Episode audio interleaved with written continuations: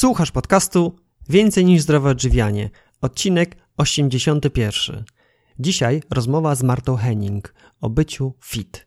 Ja nazywam się Michał Jaworski i w tych audycjach opowiadam o różnych aspektach zdrowego trybu życia. Jeżeli naprawdę zależy Ci na tym, czym karmisz swoje ciało i umysł, to te podcasty są właśnie dla Ciebie.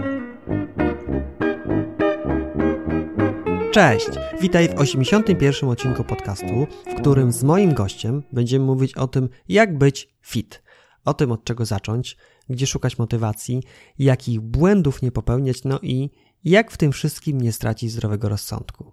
Tak, bo w byciu fit, jak we wszystkim, można się zatracić i coś, co ma służyć naszemu zdrowiu, naszemu dobremu samopoczuciu, zmienić w najlepszym przypadku w smutny obowiązek. A ma być przecież zdrowo i radośnie.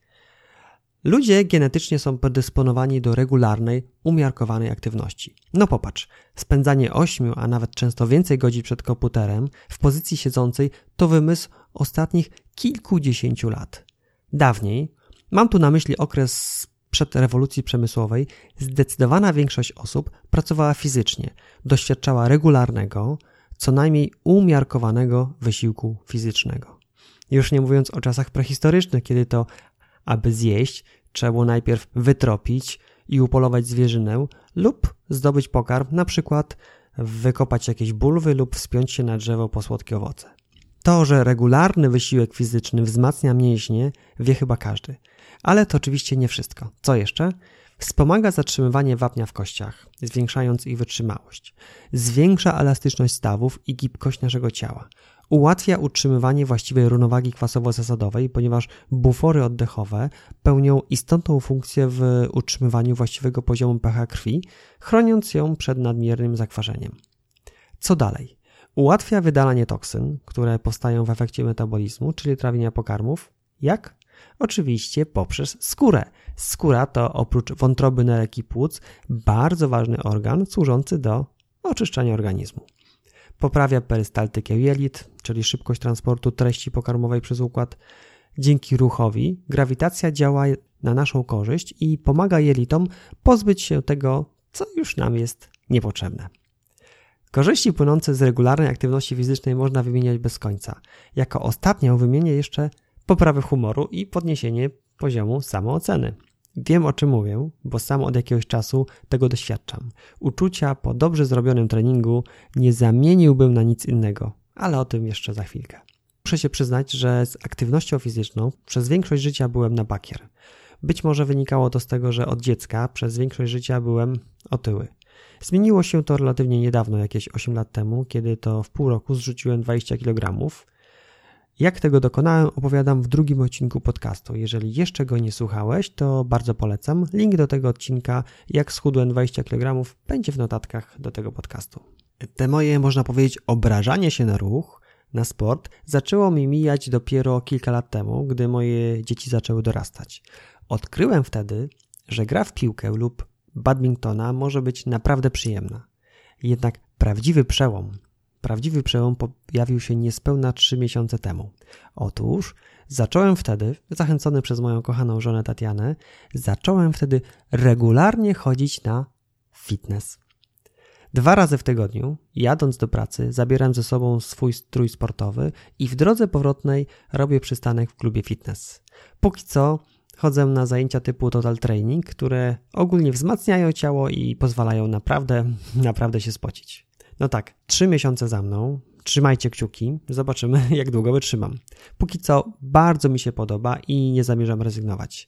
Tak jak wspominałem wcześniej, uczucia radości, wiary w siebie, dumy, które towarzyszy po tak zakończonym treningu, to jest po prostu bezcenne. I tak właśnie ten początek mojego regularnego chodzenia do fitnessu to doskonała okazja do bliższego przyjrzenia się treningom. Na tę okazję do podcastu zaprosiłem specjalistkę od prowadzenia treningów, nie tylko dla amatorów takich jak ja, ale również dla osób profesjonalnie uprawiających sport. Zapraszam na rozmowę z Martą Henning. Cześć Marta. Cześć. Powiedz mi i moim słuchaczom, kim jesteś i czym się zajmujesz. Ja nazywam się Marta i jestem trenerem przygotowania motorycznego, trenerem personalnym, ale najczęściej możecie mnie znaleźć w sieci jako codziennie fit, bo mam i bloga, i kanał na YouTubie. Trener przygotowania motorycznego. Przyznam się, że pierwszy raz spotkałem się z tym terminem. Co to znaczy? Ja to zawsze tak tłumaczę znajomym, którzy właśnie pytają, że to jest e, trener personalny tylko dla sportowców, czyli trener przygotowania motorycznego zajmuje się na przykład tym, żeby sportowiec był szybszy, silniejszy, e, żeby poprawić jakiś jego skład tkankowy ciała, e, żeby popracować nad jakąś konkretną cechą motoryczną. No i tak naprawdę przygotowuje sportowca do jakichś zadań, które go czekają. Czy to znaczy, że na co dzień pracujesz tylko ze sportowcami? Nie pomagasz osobom, które nie trenują zawodowo sportu? Nie, nie, jak najbardziej też się tym zajmuję, dlatego że też jestem właśnie i trenerem personalnym, i instruktorem fitness, także e, zajmuję się i sportowcami, i niesportowcami, mhm. e, osobami na przykład, które po prostu chcą zadbać o swoją sylwetkę, mhm. więc tak jakby i tym, i tym się zajmuję. Co prawda teraz rzeczywiście więcej jest tych osób, które dbają o sylwetkę, natomiast w przyszłości chciałabym się zająć w większej mierze sportowcami. Rozumiem. Powiedz Marta, jak to się stało, że stałaś się właśnie trenerem przygotowania motorycznego? Kiedy to się zaczęło i, i co sprawiło, że właśnie w tym kierunku poszłaś? Nie wiem od czego zacząć. Od początku. Jeśli chodzi, e, musiałabym zacząć w ogóle od tego, jak zaczęła się moja przygoda ze sportem, jeśli pozwolisz. Właśnie. Ja pochodzę ogólnie z w miarę sportowej rodziny. Tata gdzieś tam grał w piłkę klubie miejskim. Mama kiedyś biegała. Natomiast gwiazdą była moja starsza siostra. U nas jest różnica wieku 11 lat, więc sporo starsza. No bo ona właśnie zaczęła trenować lekkoatletykę, gdzieś ją tam wyłapali na, na jakimś zawodach sportowych czy coś w tym stylu. E, no i zaczęła osiągać sukcesy jeździć na Mistrzostwa Europy, Mistrzostwa Świata, e, reprezentować Polskę, więc tak jakby stąd zaczęło się też zainteresowanie lekkoatletyką. E, no i ona, ona mnie zaprowadziła na treningi. W szóstej klasie podstawówki e, po prostu wzięła mnie ze sobą na trening, no i tak zostałam, aż do drugiej, drugiego roku studiów, czyli całkiem długo. Więc ten sport cały czas był obecny w moim życiu i tak naprawdę był bardzo dużą częścią mojego życia, bo jednak ten sport wyczynowy, no to zajmuje dużo czasu, nie ma co ukrywać i tak jakby trzeba tutaj poświęcić e, trochę siebie. No ale po zakończeniu mojej kariery sportowej e, myślałam, że, że pójdę w ogóle w zupełnie inną stronę, bo ja studiowałam dziennikarstwo. Ale gdzieś tak, nie wiem, pół roku po, po zakończeniu kariery zaczęłam tęsknić za tym wszystkim, przeglądać kursy na instruktora fitness, że może bym zaczęła trenować kogoś innego, i skończyło się w końcu tak, że po licencjacie na dziennikarstwie poszłam na Akademię Wychowania Fizycznego, na kierunek sport, no i tak zostałam trenerem przygotowania motorycznego, bo taką sobie wybrałam specjalizację. E, no i tak jestem, jako trener. Mhm. A powiedz dwa słowa, bo tak szybko przemknęłaś przez tą część, kiedyś zajmowałaś się lekkoatletyką, bo to ładne kilka lat. I tak, to nie tak. było takie hobby, tylko rozumiem, to już tak zawodowo to robiłaś. Tak, jak najbardziej. Znaczy wiadomo, e, jak się ma tam, nie wiem, te 14 lat, to to jest takie półzawodowo, tak? Bo z jednej strony nie, nie powinno się zmuszać dzieci też do jakichś tam nie wiadomo jakiego sportu wyczynowego. Natomiast jak najbardziej startowałam w zawodach na Mistrzostwach Polski i, i też traktowałam to bardzo poważnie. Także rzeczywiście to był taki sport wyczynowy, a nie jakiś tam hobby typu idę sobie pobiegać dwa razy w tygodniu. To nie było coś w tym stylu. A co sprawiło, że nie kontynuowałaś tej ścieżki, tylko zrezygnowałaś z rozwijania tego sportu wyczynowego? E, lekka jest bardzo ciężka, jeśli chodzi o trenowanie, bo e, bardzo dużo rzeczy się liczy. Ja w ogóle trenowałam sprinty, biegałam na 100 i na 200 metrów. E, jest bardzo dużo zmiennych, które mogą wpłynąć na twój wynik i tak naprawdę są tylko dwa sezony, letni i zimowy. I możesz pracować cały rok na przykład na jakieś konkretne zawody i się okazuje, że no nie poszło ci. To może nie pójść czasami nie z twojej winy, warunki pogodowe, cokolwiek. E, więc to jest trudny sport, jeśli chodzi o takie e, już trenowanie wyczynowo. Nie mówiąc już o tym, że e, no nie ma, teraz się trochę, trochę zmienia, teraz jest już więcej sponsorów, ale jak jeszcze ja trenowałam, to nie było jakoś zbytnio korzyści finansowych też z tego sportu. No i w pewnym momencie już musiałam zdecydować, czy, czy brnąć w to i mimo tego, że, że nie wiem, nie czułam, żebym mogła być na przykład tak dobra jak siostra, czy zająć się czymś innym i stwierdziłam, że może czas zająć się czymś innym, bo już idzie dorosłe życie. No, no i taka, taką decyzję po prostu wtedy podjęłam. Mhm. A przy okazji zapytam, a jak siostrze się powiodło? Dobrze, ona trenowała dużo dłużej niż ja, bo chyba do 20 szóstego czy siódmego roku życia i potem e, zrezygnowała już i to było takie z powodu nawracających kontuzji, no wiadomo, sport wyczynowy nie jest zdrowy, e, jeśli chodzi o, o, o takie zdrowie ogólne. Natomiast rzeczywiście jej szło całkiem dobrze i e, zawsze gdzieś tam była na tych czy w reprezentacji, czy, czy w jakichś takich lepszych zawodach, tak, wyższej rangi, ale też nie jest związana teraz ze sportem, nie jest związana w ogóle z lekką. Mhm. Dobrze, to teraz wracamy do ciebie. Czyli tak, wcześniej były studia dziennikarskie, w międzyczasie przygoda z lekkoatletyką, później AWF, a teraz jesteś trenerem przygotowania motorycznego, czyli pomagasz sportowcom, którzy wyczynowo trenują sport, osiągać lepsze wyniki. Tak, dokładnie. Super. Bardzo się cieszę, że mam Cię, Marta, mogę z Tobą rozmawiać w podcaście, bo jak tak teraz się popatrzy, to mam wrażenie, że jak grzyby po deszczu wyrastają w, w okolicy miejsca, gdzie można trenować, różne siłownie lub kluby, gdzie jakiś fitness jest uprawiany. Mam wrażenie, że bycie fit w tej chwili staje się coraz bardziej modne. Powiedz mi, jak ty rozumiesz, co to znaczy by, być fit? Dla mnie, często to podkreślam, to przede wszystkim bycie zdrowym i sprawnym. E, dużo osób e, utożsamia bycie fit z sylwetką tylko i wyłącznie. Natomiast można mieć ładną sylwetkę, ale niekoniecznie trzeba mieć przy tym zdrowe czy sprawne ciało. Mi natomiast bardziej się skupiam właśnie na tej sprawności, na tym, żeby, żeby te zdrowie cały się czas mnie trzymało i żebym jak najdłużej właśnie była zdrowa, sprawna i żeby to ciało mi dobrze funkcjonowało. Trochę jak taka maszyna. Bardzo mi się podoba, że jakby te dwa aspekty poruszyłaś. Po pierwsze sprawny, po drugie zdrowy, bo to wcale nie musi iść ze sobą w parze. No i teraz właśnie, jak podejść do tego bycia fit, aby w tych dwóch płaszczyznach jakby zaadresować te dwa obszary, zarówno bycie sprawnym, jak bycie zdrowym. Co zrobić, żeby to się nie wykluczało, tylko żeby wspomagało? Tutaj e, dużo osób zawsze oczekuje jakiejś, e, wiesz, tajemnej porady, typu, że mam zdradzić jakiś sekret na to, jak, jak na przykład być fit, albo właśnie jak być fit i być zdrowym i, i być sprawnym i wszystko w ogóle, jeszcze mieć przy tym super sylwetkę. Natomiast wydaje mi się, że najważniejszą rzeczą jest po prostu zdrowy rozsądek i to jest coś, co pozwala rzeczywiście fajnie balansować tą granicę pomiędzy staraniem się właśnie o na przykład lepszą sylwetkę, lepsze wyniki, lepszą sprawność, a jednocześnie utrzymaniem tego zdrowia.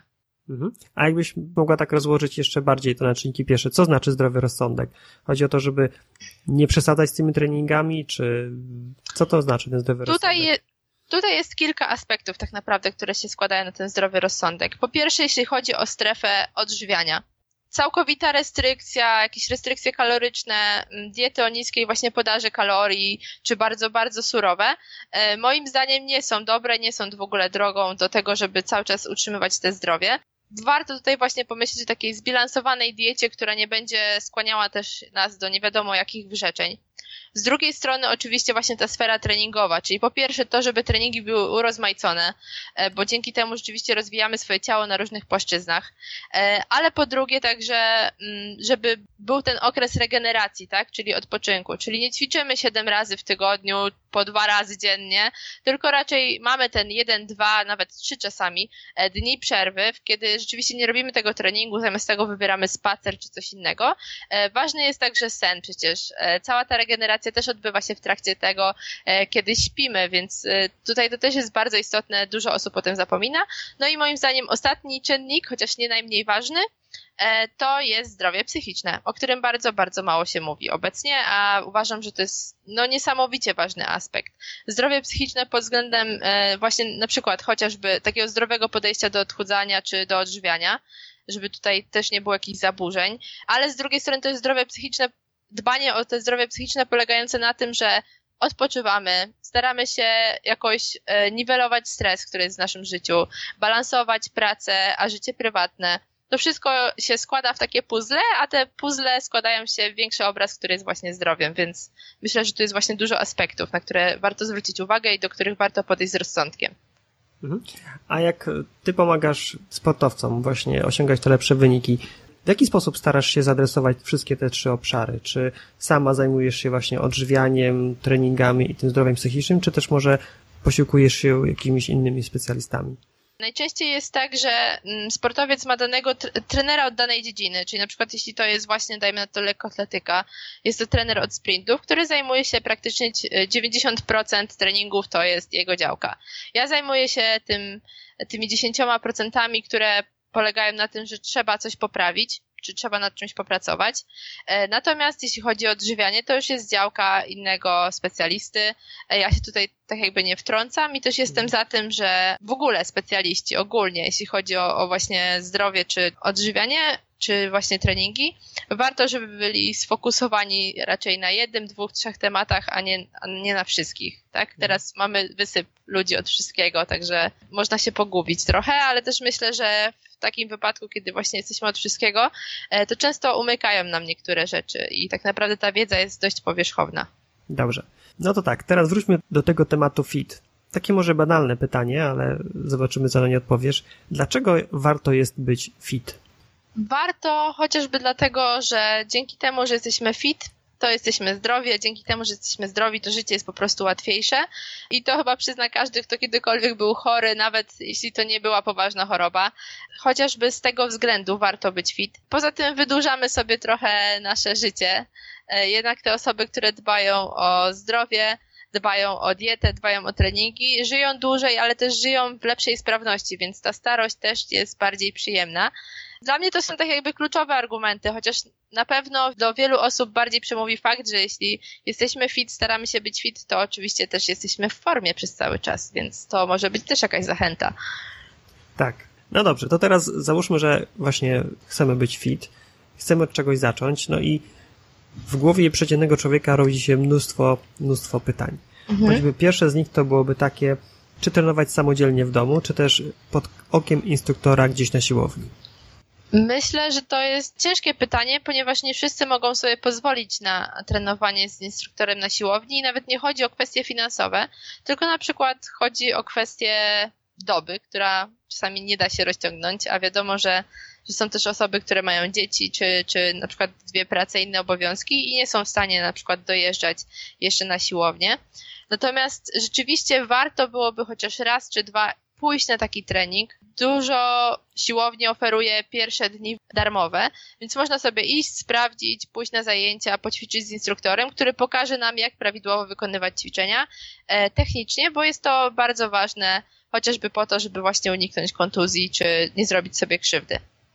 Natomiast jeśli chodzi o sam trening w domu, to z jednej strony jak najbardziej go polecam, bo trening w domu może być równie skuteczny co trening e, na siłowni. Natomiast warto właśnie zwrócić uwagę na to, że jednak warto by było może wesprzeć się radą specjalisty, czy odnośnie tego, jak zbudować taki trening, czy odnośnie tego, jak wykonujemy ćwiczenia, czy one są poprawnie technicznie.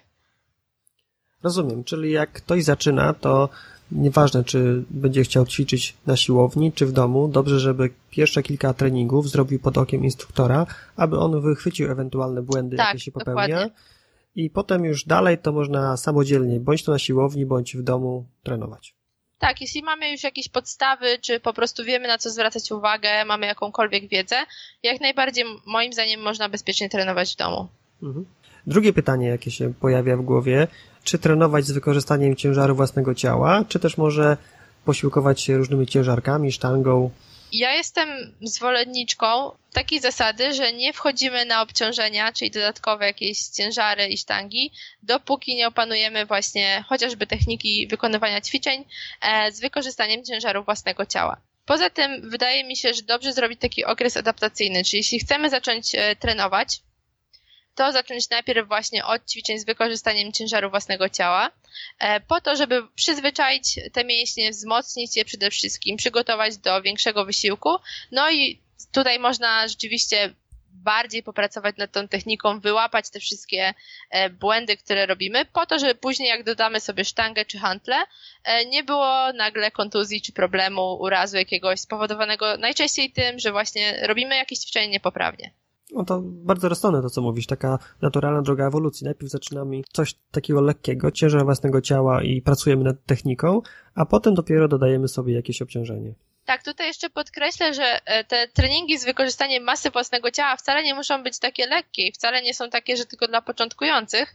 E, rzeczywiście można ułożyć naprawdę dobry plan treningowy oparty tylko i wyłącznie na masie własnego ciała, e, który też będzie skuteczny na przykład dla osoby zaawansowanej. Więc tutaj tak jakby też chciałabym, żebyśmy nie podkreślali tak, że trening z masą własnego ciała to na początku, a potem już tylko ciężary. Chociaż mhm. rzeczywiście to jest dobra droga, jeśli chodzi o taki progres w ćwiczeniach i rzeczywiście wtedy można jeszcze dać nowe bodźce organizmowi, tak? E, więc y, no ja jestem za tym, żeby zawsze zaczynać jednak od tej masy własnego ciała. Dobrze. No tak, to już wiemy. Czy z trenerem, czy samodzielnie, z ciężarkami, czy bez. Więc e, ja z tego, co powiedziałaś, to rozumiem, że na początek dobrze z pod okiem trenera, na początek dobrze z wykorzystaniem masy własnego ciała. No ale właśnie, jak zrobić ten początek? Jak się zmotywować, żeby wyjść w domu lub nawet w domu zacząć ćwiczyć, zrobić ten pierwszy krok?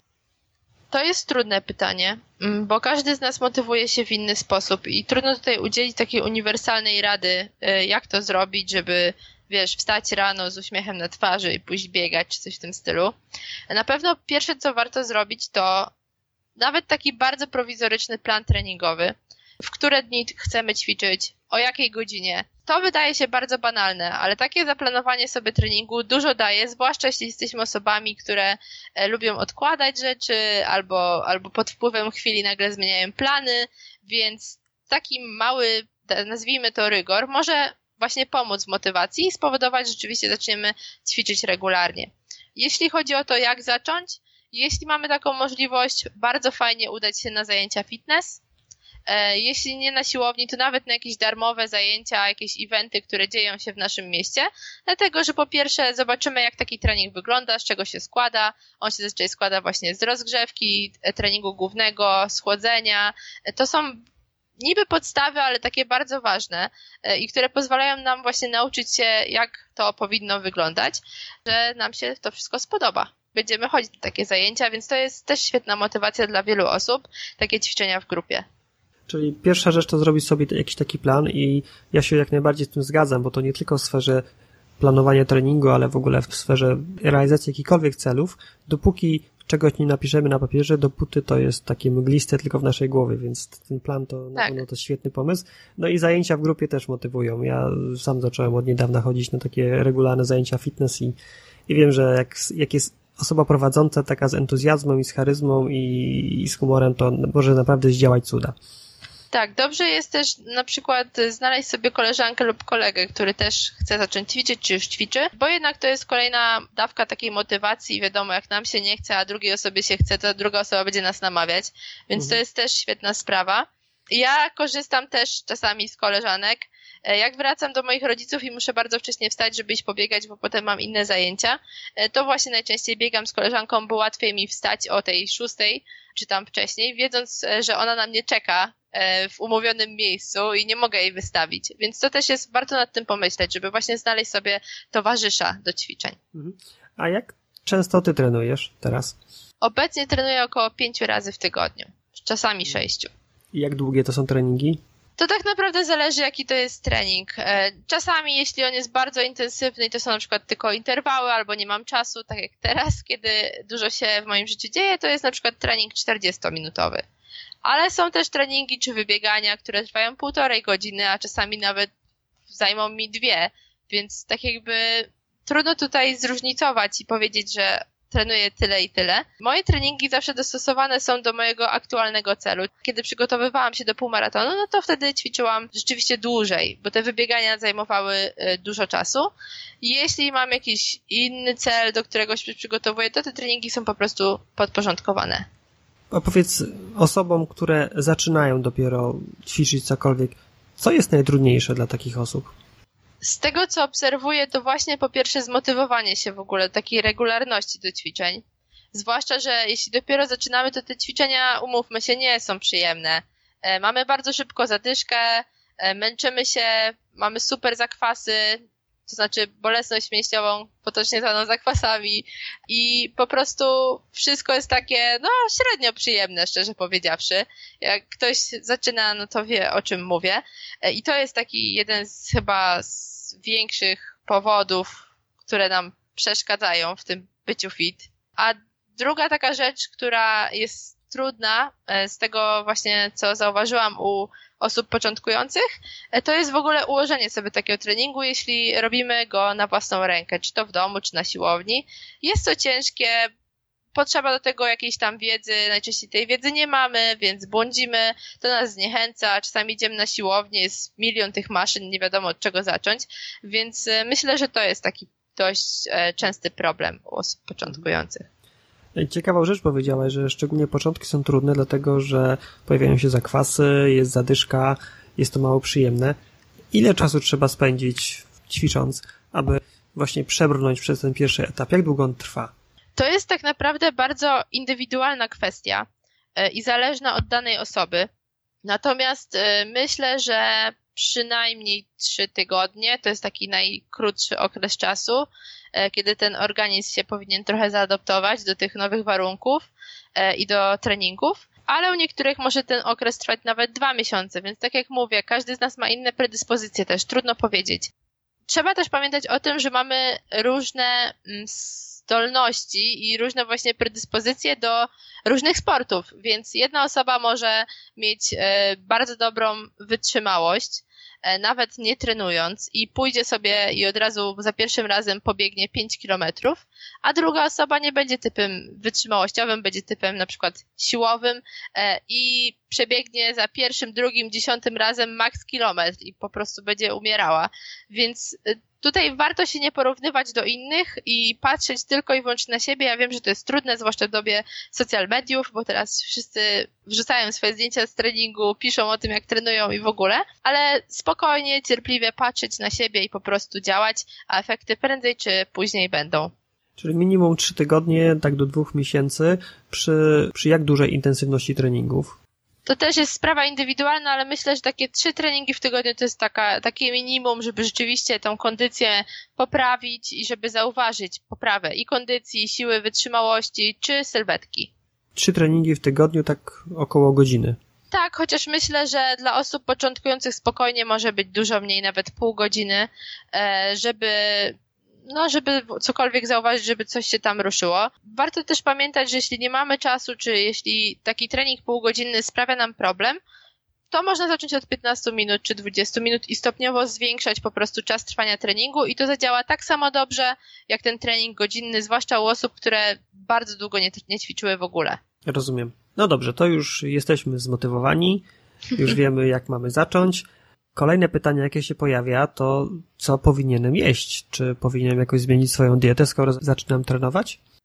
Myślę, że takie podstawowe rzeczy po prostu trzeba zmienić w tej diecie, czyli jeść mniej przetworzonych produktów, e, starać się wybierać więcej warzyw, więcej owoców, więcej e, produktów z pełnego ziarna, ale przede wszystkim e, taki błąd, który najczęściej zauważam, to jest to, że nawet ludzie zaczynają dbać o tą dietę, czyli jedzą tam zdrowiej, jedzą lepiej, ale nie piją e, wody. I to jest bardzo, bardzo duży błąd, zwłaszcza u osoby trenującej, bo ta woda jest nam potrzebna i niestety no trzeba się jakoś nauczyć ją pić regularnie, po to, żeby właśnie utrzymać się w zdrowiu. Myślę, że też jeśli chodzi o takie zmianę, jak taką zmianę diety przy rozpoczęciu trenowania, nie powinniśmy też drastycznie jej zmieniać od początku, bo już sam, samo rozpoczęcie ćwiczeń jest dość mocnym bodźcem dla naszego organizmu i tutaj ja bym postępowała jednak metodą małych kroków, czyli jedna zmiana, druga zmiana, po kolei, powoli i cierpliwie. Dobrze. A co właśnie z makroelementami, bo nawet już takie legendy chodzą, że przed treningiem to węglowodany, po treningu to białko. Czy to na początku ma aż tak wielkie znaczenie, czy może w ogóle? To też zależy tak naprawdę od celu danej osoby, bo jeśli nagle zrywamy się z kanapy i chcemy, wiesz, za pół roku startować w jakimś Mister Fitness, e, no to rzeczywiście te makro będzie miało bardzo duże znaczenie. Natomiast jeśli e, jesteśmy, czyli na przykład kiedy przygotowujemy się do biegu jakiegoś półmaratonu, czy nawet do, nie wiem, maratonu, do 10 kilometrów, to rzeczywiście warto pomyśleć nad tym, żeby zwrócić uwagę na te treningi, na te posiłki przedtreningowe, potreningowe, na makro, czy zgadza się w ciągu całego dnia, czy zgadza się właśnie przed treningiem, po treningu. Natomiast jeśli chcemy po prostu zadbać o sylwetkę, chcemy czuć się lepiej, mieć lepszą kondycję, to po prostu moim zdaniem lepiej skupić się na tym, żeby te posiłki były zdrowe, niż rozdrabniać się do jakichś szczegółów. Tym bardziej na początku, kiedy i tak już wszystko jest trudne, trzeba się zmotywować, trzeba to jakoś ogarnąć, trochę się nauczyć, bo to nie jest takie wcale, że ta wiedza jest od razu w naszej głowie, więc myślę, że tutaj dodatkowe skupianie się na makro byłoby dużym utrudnieniem i też nie widzę do końca potrzeby. Dobrze, ja to tak troszeczkę podsumuję. Czyli jak ktoś zaczyna trenować, czyli tam 2-3 razy w tygodniu od 15 minut do godziny, w zależności od tego, jaką ma kondycję i, i, możliwości, no to tak naprawdę wystarczy, żeby zaczął się normalnie zdrowo odżywiać, czyli więcej warzyw, owoców, więcej produktów pełnoziarnistych, brak tych produktów przetworzonych, no i oczywiście dużo picia. Tak. Natomiast później, w jakimś etapie, wspomniałeś, że takim etapem może być na przykład chęć przygotowania się do półmaratonu, trzeba by bardziej zwrócić uwagę na te posiłki. Tak, jak najbardziej. Mhm. No dobrze, a co w takim razie z suplementami? Czy warto sobie nimi zawracać głowę? Jeżeli tak, to na jakim etapie i jakie to suplementy mogłyby być? To znaczy, jeśli chodzi o suplementy, nie jestem zbyt dużym zwolennikiem. No, oczywiście, wiadomo, niektóra suplementacja jest ważna. Na przykład w okresie jesienno-zimowym jak najbardziej witamina D, zwłaszcza jeśli zrobimy sobie badania i wyjdzie nam, że mamy ten niedobór tej witaminy D. E, jeśli chodzi o jakieś multivitaminy, też jak najbardziej. Jeśli chodzi o probiotyki też są takim czymś, takim suplementem, który jak najbardziej można stosować. E, natomiast jeśli chodzi o jakieś zaawansowane suplementy, przedtreningówki, potreningówki, dopóki ten cel nie jest bardzo nastawiony na wynik, na sport, nie uważam, że było to coś potrzebnego. Jeśli chodzi natomiast o suplementy w postaci białka, czy odżywek białkowych, czy białkowo-węglowodanowych. Ja bym to stosowała jako dodatek i ostrożnie. Wiem, że bardzo dużo osób teraz prawie na każde, każdy posiłek używa tych odżywek. E, nie uważam, żeby odżywki mogły zastąpić zbilansowaną dietę i tutaj po prostu ja to traktuję jako dodatek, czyli na przykład czasami sobie rzeczywiście dodam tego białka, zwłaszcza jeśli mam taki dzień, że po prostu jakoś tak wyszło, że te wszystkie posiłki są w te białko ubogie. Natomiast nie traktowałabym suplementów jako dobra najwyższego i czegoś, co rzeczywiście nie wiadomo jak zmieni naszą formę i życie, bo tutaj kluczowy jest trening, dieta i sen. I hmm. tak naprawdę, jeśli te trzy rzeczy nie będą dobrze zaplanowane, rozsądnie zaplanowane, to czy będziemy się suplementować ciężarówką tabletek, czy, czy niczym, to nic nie zmieni w tym wypadku. Czyli suplementy pomogą tylko wtedy, kiedy rzeczywiście w tych trzech sferach jest wszystko w porządku. No i oczywiście też zależy to od celu, nie? Tak jak mówiłam. Bardzo się cieszę, Marta, że to powiedziałaś, bo to jest właśnie bardzo, bardzo ważne, ponieważ niektóre osoby mogą zatracić się w tej chęci do trenowania i położyć nacisk na niewłaściwe rzeczy. A tak. właśnie ta, te trzy rzeczy, o których powiedziałaś, czyli trening, dieta i sen, albo szerzej może wypoczynek. Tak, wypoczynek, regeneracja. Tak, one są właśnie tak naprawdę kluczem do tego, żeby w zdrowy sposób trenować. Tak, i mieć efekty, bo tak jakby, mhm. no mówię, no tutaj same tabletki cudów nie zdziałają. No dobrze, to tak. Już wiemy, co trenować, jak trenować, pod okiem czy samodzielnie, co jeść, co pić. Tylko jak znaleźć czas na te treningi? Może tutaj nam coś podpowiesz. Wydaje mi się, że tutaj dużą rolę też gra nasza taka osobista organizacja czasu, bo mhm. z treningami jest jak z każdą inną czynnością czy innym hobby, które chcemy robić musimy znaleźć na nie czas, a jak to zrobić? Po prostu dobrze się organizując. Wiadomo, tutaj też nie jest tak, że organizacja to jakieś czary i po prostu mając milion e, rzeczy na głowie jesteśmy w stanie zrobić szczepień treningów, to tak nie działa. Jednym z takich moich sposobów jest to właśnie planowanie tych treningów w określonych godzinach. Wtedy wiem, że nie umawiam wtedy innych rzeczy, tylko idę właśnie na trening, jeśli jest to dla mnie ważne. Z innych takich rzeczy, które mo mogą pomóc, to jest trening rano, który bardzo polecam, chociaż wiem, że dużo osób nie może sobie na niego pozwolić. No i coś, co zawsze mówię moim czytelniczkom czy, czy moim widzom na kanale, to jest to, że jeśli nie mamy czasu na trening, to czasami naprawdę lepiej zrobić te 15 minut niż w ogóle, bo nikt nigdy nie żałował zrobionego treningu.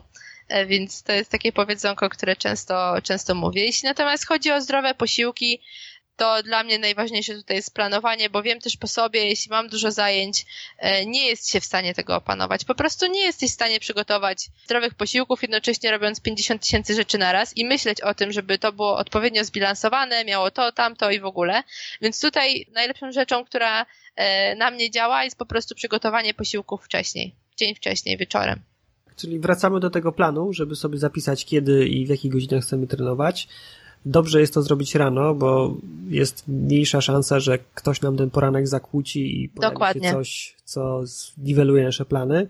Poza tym, wiesz, mózg jeszcze nie wie, co robisz, także tutaj też wyklucza trochę problem z motywacją, bo zanim się obudzisz, to już jest po treningu, także polecam. Super. Też mi się podobało to, co powiedziałaś. Lepszy trening 15-minutowy niż żadny. Nikt jeszcze zrobionego treningu nie żałował. Dokładnie. No i jeśli chodzi o posiłki, to lepiej to wcześniej sobie zaplanować, przygotować poprzedniego dnia, żeby rano już były gotowe. Tak, warto też na przykład sobie nawet tak bardzo, bardzo ogólnie rozpisać jakiś takie jadłospis na chociaż trzy dni do przodu, po to, żeby chociażby zrobić też zakupy na te trzy dni i codziennie nie chodzić do sklepu, to też oszczędza czas, czy właśnie wcześniej móc przygotować treningi. To są takie, wiesz, jak o tym teraz rozmawiamy, to to są takie pierdółki, e, takie rzeczy oczywiste, tak. E, nie ma tutaj żadnego, wiesz, magicznego jakiegoś, no mówię, magicznej reguły czy czegoś, no ale tak to tak naprawdę wygląda, no. Tak to ludzie robią i ta, to działa. Mhm. E, tutaj nie ma jakiegoś czaru, który sprawi, że wydłuży ci się doba i będziesz mógł ćwiczyć i, i, i jeść, przygotować sobie e, każdy posiłek na świeżo, tak? Tylko po prostu, no, mhm. trzeba zwykłe zasady wprowadzić do swojego życia i tyle.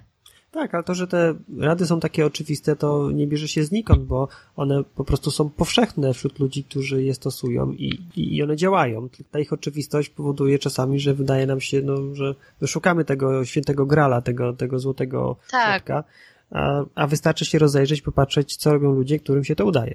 Tak, chociaż myślę, że to jest po prostu taka nasza cecha ludzi. E, szukanie właśnie, wiesz, jakiegoś rozwiązania magicznego. Sama się czasami na tym łapię, jak opublikują jakieś nowe badania czy, czy nowe artykuły, to też klikam zawsze i, i sprawdzam, czy może odkryli coś nowego, co od, w ogóle, wiesz, odmieni cały mój trening i całe moje żywienie, także myślę, że to po prostu jakoś e, jest w nas, tylko należy to trochę przezwyciężyć i właśnie rzeczywiście uwierzyć, że te, że te takie zwykłe sposoby działają, bo działają, przynoszą efekty. Ja mam jeszcze taką małą teorię, że może czasem łatwiej jest poszukiwać złotego rozwiązania niż tak naprawdę rozpocząć ten trening. To też prawda. Dobrze. Dużo się mówi teraz o sylwetce. Wiele osób chce być fit, między innymi dlatego, żeby dobrze wyglądać, czyli to jest prawie tożsame z tym, żeby zrzucić tam kilka kilogramów, ale jest pewna grupa osób, które wręcz odwrotnie chcą przybrać kilka kilogramów na wadze po to, żeby wyglądać lepiej. No i właśnie, jak zrobić, aby w zdrowy sposób przytyć?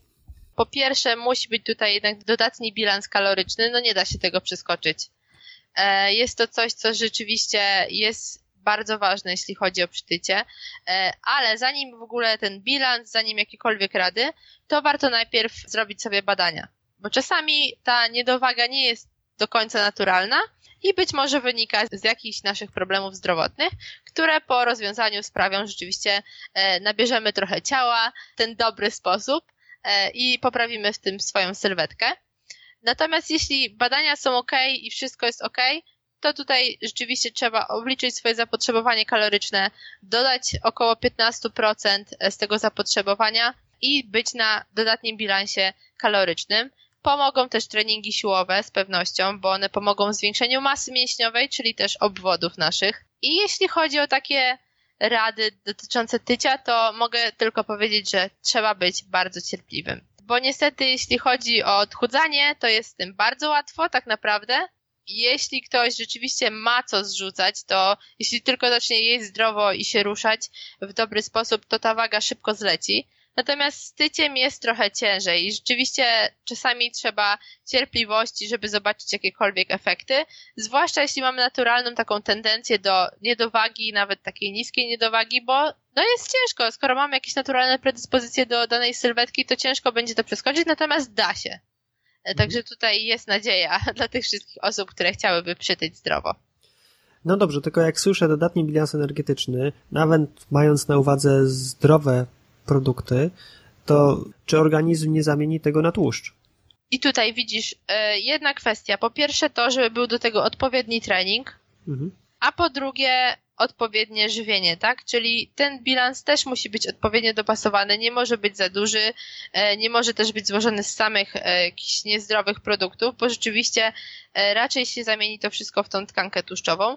Natomiast z perspektywy trenera wydaje mi się, że nie do końca da się zrobić samą masę mięśniową, jeśli staramy się przytyć.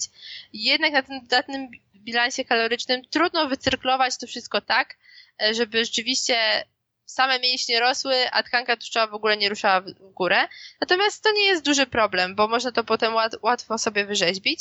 Zresztą przy odpowiednim treningu nie powinno być tak aż dużego problemu, żeby to był rzeczywiście problem typu przytyłem 5 kilo i w tych 5 kilo jest 1% masy mięśniowej, cała reszta to tkanka tłuszczowa. Raczej nie powinno być takich problemów, zwłaszcza u osób właśnie, które mają problem z jakąś e, niedowagą, czy właśnie z przytyciem.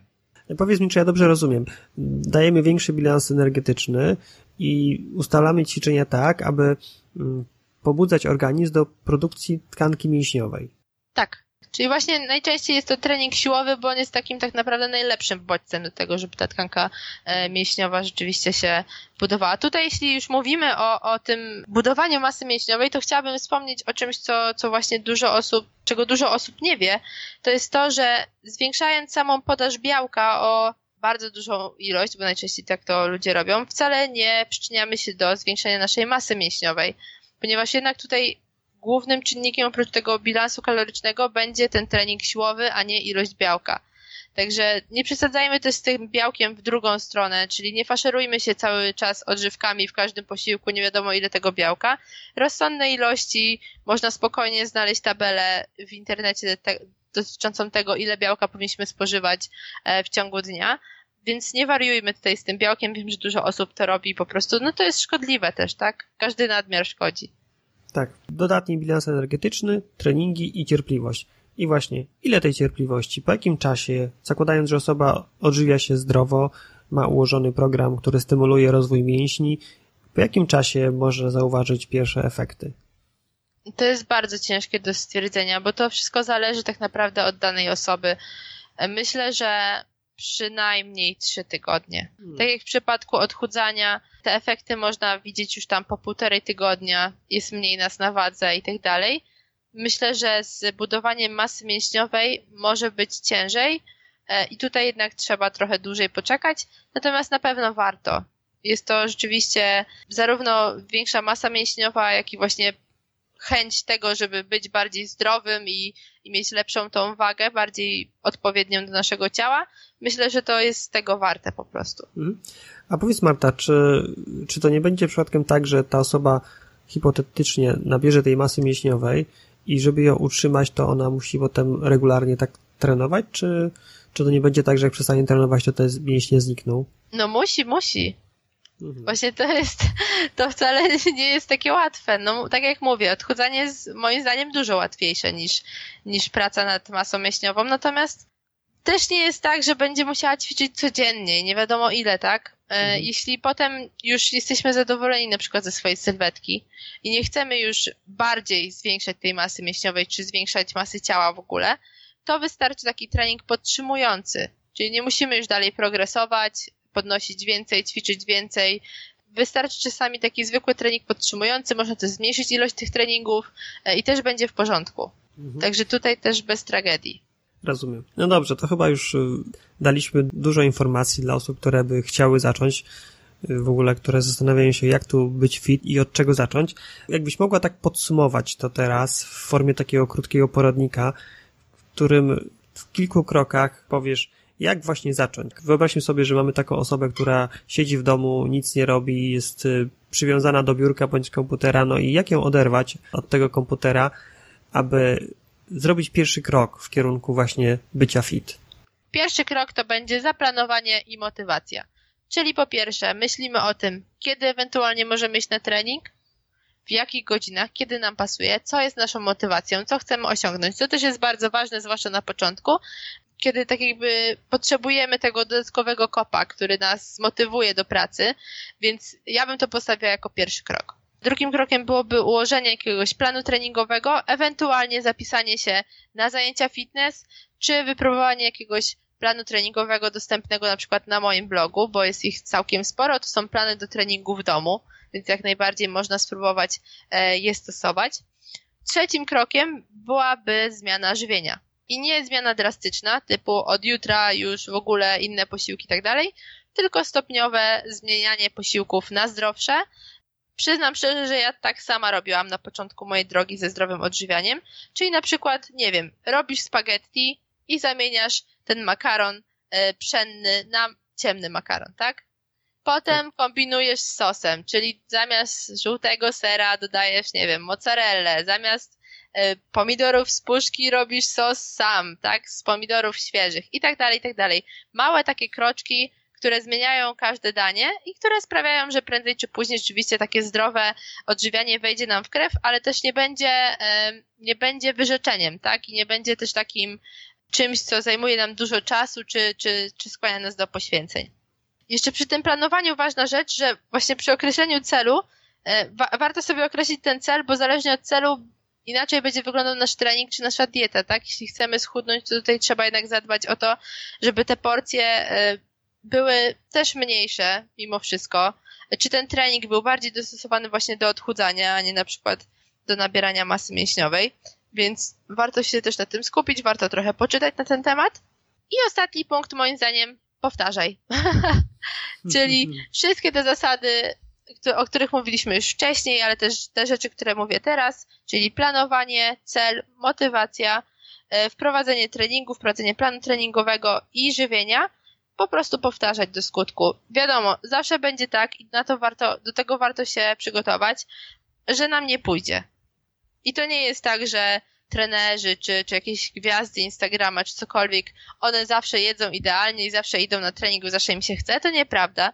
Więc bardzo często będzie tak, że nawalimy, mówiąc prosto, i to jest, to jest normalne i należy do tego, nad, nad tym przejść do porządku dziennego, nie zadręczać się, nie katować się, nie odpuszczać sobie, bo dużo ludzi też odpuszcza. No bo tak, o już dzisiaj zawaliłem, coś tam, nie zrobiłem treningu, zjadłem niezdrowo, to już dobra, idę po czteropak. Mhm. Więc e, tak jakby tutaj warto sobie zwrócić uwagę, że błędy i tak będą, nie ma się co nimi przejmować, też życie jest tylko jedno, więc warto sobie raz na jakiś czas na coś pozwolić i to jest w porządku. I myślę, że to jest taka pigułka, mhm. która, która może pomóc. No, tak jak mówię, proste zasady, zwykłe, żadnych fajerwerków, ale działają. Mhm. Ja i krótko podsumuję. Krok pierwszy to zaplanować i zdefiniować, co jest naszym motywatorem. I to bardzo dobrze, że o tym powiedziałaś, bo inny trening będą robiły osoby, które chcą schudnąć, a zupełnie inne, które chcą nabrać tej masy mięśniowej. Czyli zaplanować, kiedy możemy robić trening i co chcemy osiągnąć. Druga rzecz to jest ułożenie planu treningowego. To można iść na zajęcia fitness albo skorzystać z takich porad, na przykład u Ciebie na blogu. Tam są takie plany treningowe. Krok trzeci to zmiana żywienia, taka ewolucyjna, powolutku. No i krok czwarty, powtarzaj do skutku.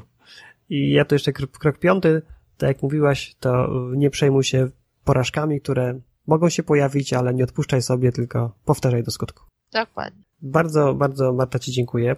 Powiedz jeszcze na zakończenie, jak ktoś z naszych słuchaczy chciałby dowiedzieć się o Tobie czegoś więcej, to gdzie w internecie możecie znaleźć? Zapraszam na codziennifit.pl. Bardzo prosta nazwa.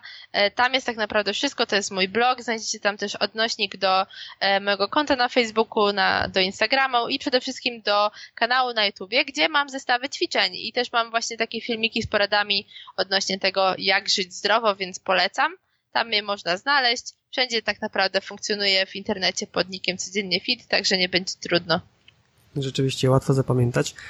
Jakbyś miała naszych słuchaczy zostawić z jedną myślą, jakby ktoś, kto słucha tego podcastu miał zapamiętać tylko jedną, jedyną rzecz, to co najlepiej, żeby to było? Pamiętaj o zdrowym rozsądku. To jest najważniejsze, mhm. bo no mówię, w dobie teraz social mediów i, i tej idealności w stu procentach można łatwo się zatracić, a nie o to chodzi. Więc tutaj nawoływałabym do zdrowego rozsądku i takiego zdrowego, rozsądnego podejścia do tego całego bycia fit. Mhm, bardzo dobrze. Ślicznie dziękuję za rozmowę. Ja też bardzo Ci dziękuję. Ślicznie dziękuję za wysłuchanie podcastu. Jeżeli interesuje Cię temat aktywności fizycznej, to zachęcam do sięgnięcia do wcześniejszych odcinków mojego podcastu. Odcinek czwarty, jak przebiec maraton.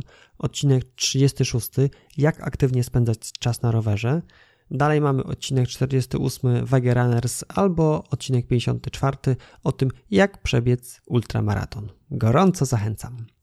Jeżeli podcast Ci się podobał, to mam do Ciebie ogromną prośbę o pozostawienie recenzji w systemie iTunes.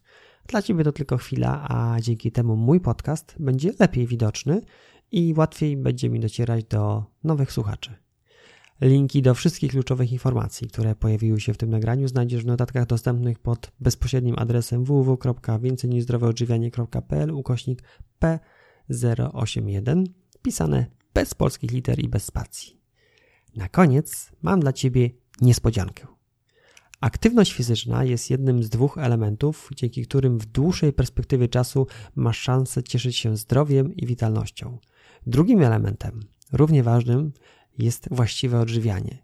I właśnie po to, aby Ci to ułatwić, stworzyliśmy z Tatianą e-booka, który na kilku stronach zbiera nasze najlepsze, najskuteczniejsze praktyki we wdrażaniu zdrowego odżywiania.